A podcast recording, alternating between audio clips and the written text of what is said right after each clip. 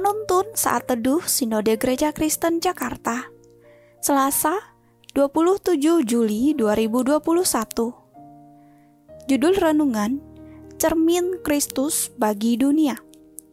Nats Alkitab terambil di dalam kitab Roma pasal 8 ayat 9 sampai 10 Tetapi kamu tidak hidup di dalam daging, melainkan dalam roh jika memang roh Allah diam di dalam kamu.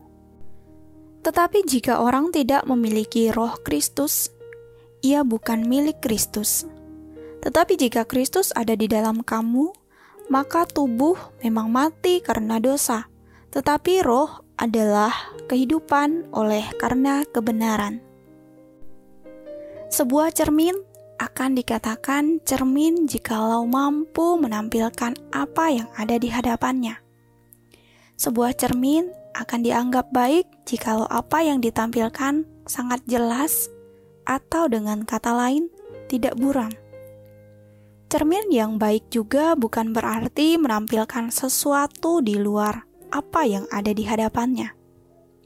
Roma 8 ayat 9 sampai 10 memaparkan bahwa hidup orang yang sudah menjadi milik Kristus seharusnya tidak membawanya kembali hidup dalam daging. Keberadaan Kristus di dalam hidupnya memampukan dirinya untuk tidak hidup dalam daging, namun hidup dalam kebenaran. Namun, jikalau hidup seseorang tidak di dalam kebenaran, meskipun ia mengaku bahwa ia sudah menjadi milik Kristus, ia sesungguhnya tidak memiliki roh Kristus, yang berarti ia pun bukan milik Kristus. Hidup murid Kristus seharusnya menjadi cermin Kristus bagi dunia ini. Cermin Kristus berarti keberadaan Kristus sebagai pusat hidupnya, bukan dirinya sendiri. Kristus berada di depan muridnya yang memimpin seluruh kehidupannya, sehingga apa yang orang lihat melalui dirinya bukan lagi tentang dirinya sendiri tetapi tentang Yesus Kristus yang hidup di dalamnya. Apa yang kita lakukan, baik melalui perkataan maupun perbuatan, itulah yang akan terpancar dari dalam hidup kita. Bagaimana seseorang dapat mengenal Kristus jikalau kehidupan kita selama ini tidak mencerminkan Kristus?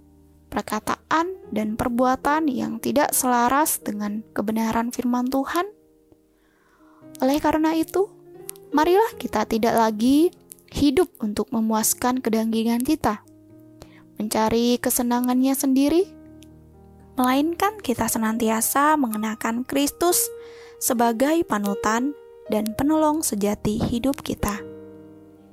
Dan hidup sama seperti Kristus telah hidup, menjadi pelaku kebenaran firman Tuhan yang nyata melalui perkataan dan perbuatan kita. Menjadi cermin bukan berbicara tentang dirinya, tetapi tentang apa yang ada di hadapannya. Dalam hal ini, mencerminkan Kristus yang terlihat dari dalam hidup kita. Amin. Terima kasih, Tuhan Yesus memberkati.